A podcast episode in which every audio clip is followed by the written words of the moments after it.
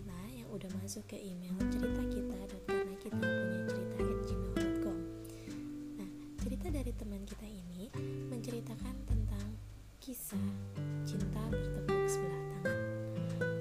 Teman-teman pernah gak sih ngerasain cinta atau suka ke teman dekat atau sahabat sendiri tapi tanpa mereka merasakan itu semua?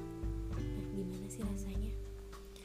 Sama seperti yang dirasakan oleh salah satu teman kita ini yang bakal aku bacain ceritanya ya. Langsung aja kita bacain. Pernah gak sih kalian jatuh cinta dengan sahabat sendiri, tapi dia malah cinta dan menikah dengan kakak kandung kalian? Bagaimana yang harus kalian lakuin? Aku bersahabat dia di sini nulisnya Bang D. Mungkin itu inisial ya. Nah, kalau misalnya aku nyebut Bang D itu kayaknya kurang enak. Aku sebutnya Bang D aja ya. Aku bacanya Bang D gitu ya. Oke, ulangi ya. Aku bersahabat dengan Bang D. Dari aku kelas 4 SD dan Bang D kelas 6 SD.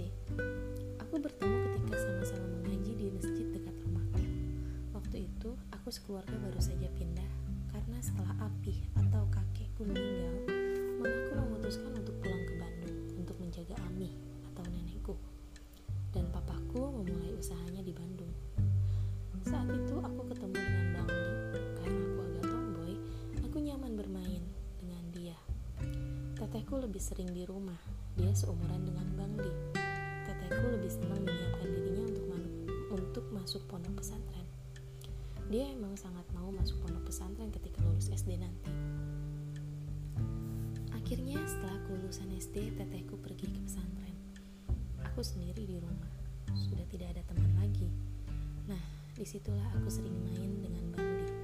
Setiap sore sepulang sekolah, aku selalu diajak Bang Di nonton dia main futsal. Setiap minggu kami selalu bersepeda bareng, sampai kami dewasa. Kami semakin dekat. Setiap aku ada masalah, Bang Di orang pertama yang membantuku dan menjadi pelindungku. Bang Di sudah seperti abang kandungku sendiri, dan kami dengan keluarga masing-masing pun sudah saling dekat. Bang Di sudah seperti rumahnya sendiri ketika main di rumahku. Begitupun aku jika di rumah Bang Di. Kami sama-sama anak bungsu. Entah kenapa perasaan nyaman berubah menjadi cinta. Sudah puluhan kali Bang Di berganti pacar dan aku tempat dia cerita. Tidak ada rasa cemburu sekalipun karena Bang Di lebih sering memilih aku, membantuku dan bersamaku daripada harus pergi dengan pacarnya. Ya, sering kali pula Bang Di putus hanya karena pacarnya cemburu kepadaku. Dulu Bang Di baru saja menembak kencan pertama dengan pacar barunya. Tapi mamaku menelpon Papaku masih di luar kota saat itu. Bang Di langsung meninggalkan pacarnya di bioskop dan memilih mengantarku ke rumah sakit. Baru satu hari jadian, besoknya langsung putus. Tapi Bang Di tidak pernah menyesali itu.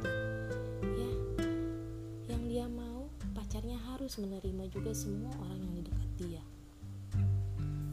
Kelulusan SMA tiba, tetehku pun pulang. Dan di situ Bang Di baru jujur bahwa dia sukai.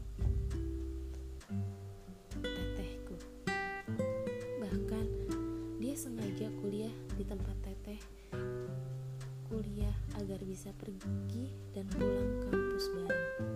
Bang Di ternyata sering memperhatikan teteh setiap teteh pulang liburan pesantren. Tapi sekarang Bang Di benar-benar mengejar teteh. Awalnya teteh cuek dan tidak begitu menghiraukan Bang Di. Dan baru kali ini aku merasa cemburu. Padahal sering sekali Bang Di merayu perempuan di depanku. Tapi aku biasa saja.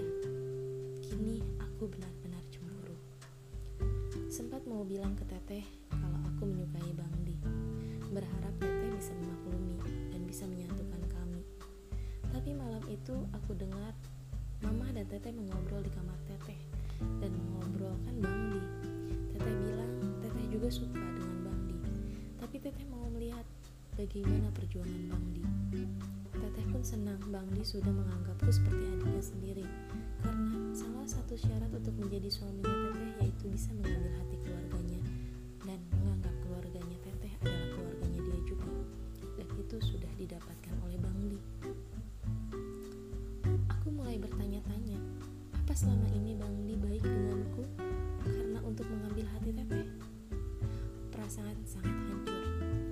dari kelulusan SMA aku tiba dan hari itu pula bertepatan dengan Teteh akhirnya menerima Bangdi dan mereka akan melanjutkan ke pernikahan.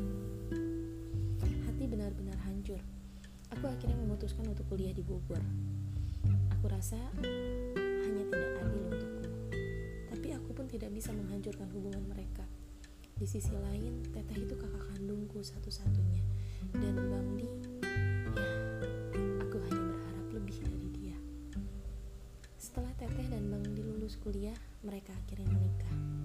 Bisa dibayangkan, seharusnya aku menangis bahagia, malah menangis nelangsa. Amih mungkin menyadari perasaanku.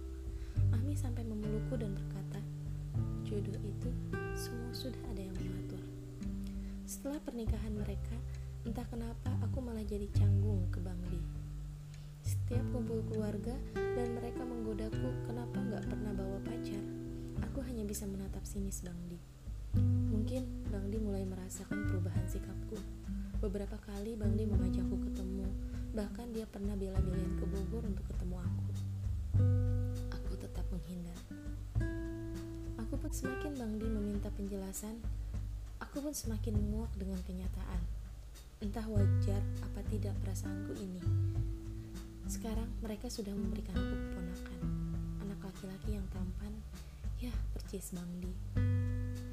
Tapi sampai sekarang setelah dua tahun pernikahan mereka, aku masih belum bisa mengikhlaskan. Menurut teman-teman, apa aku egois? Apa aku salah? Aku nggak tahu harus bagaimana. Aku tidak membenci Bangdi, apalagi Teteh. Tapi aku hanya selalu merasa sesak dan muak dengan kenyataan ini. Terima kasih sudah membaca ceritaku. Hmm, Gimana menurut teman-teman? Nyesek pasti. Tapi ikhlas sayang. Kuncinya satu. Ikhlas. Memang sabar itu gak mudah. Tapi lebih gak mudah lagi tuh untuk menjalani keikhlasan. Iya, benar banget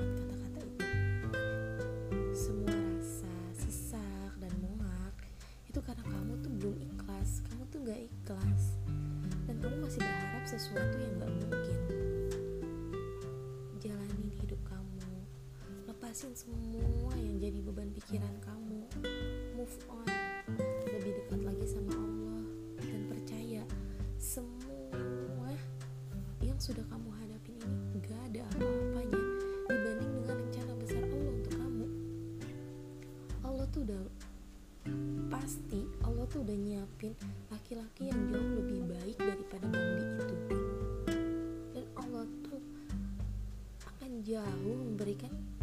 kebahagiaan dan keindahan dengan laki-laki.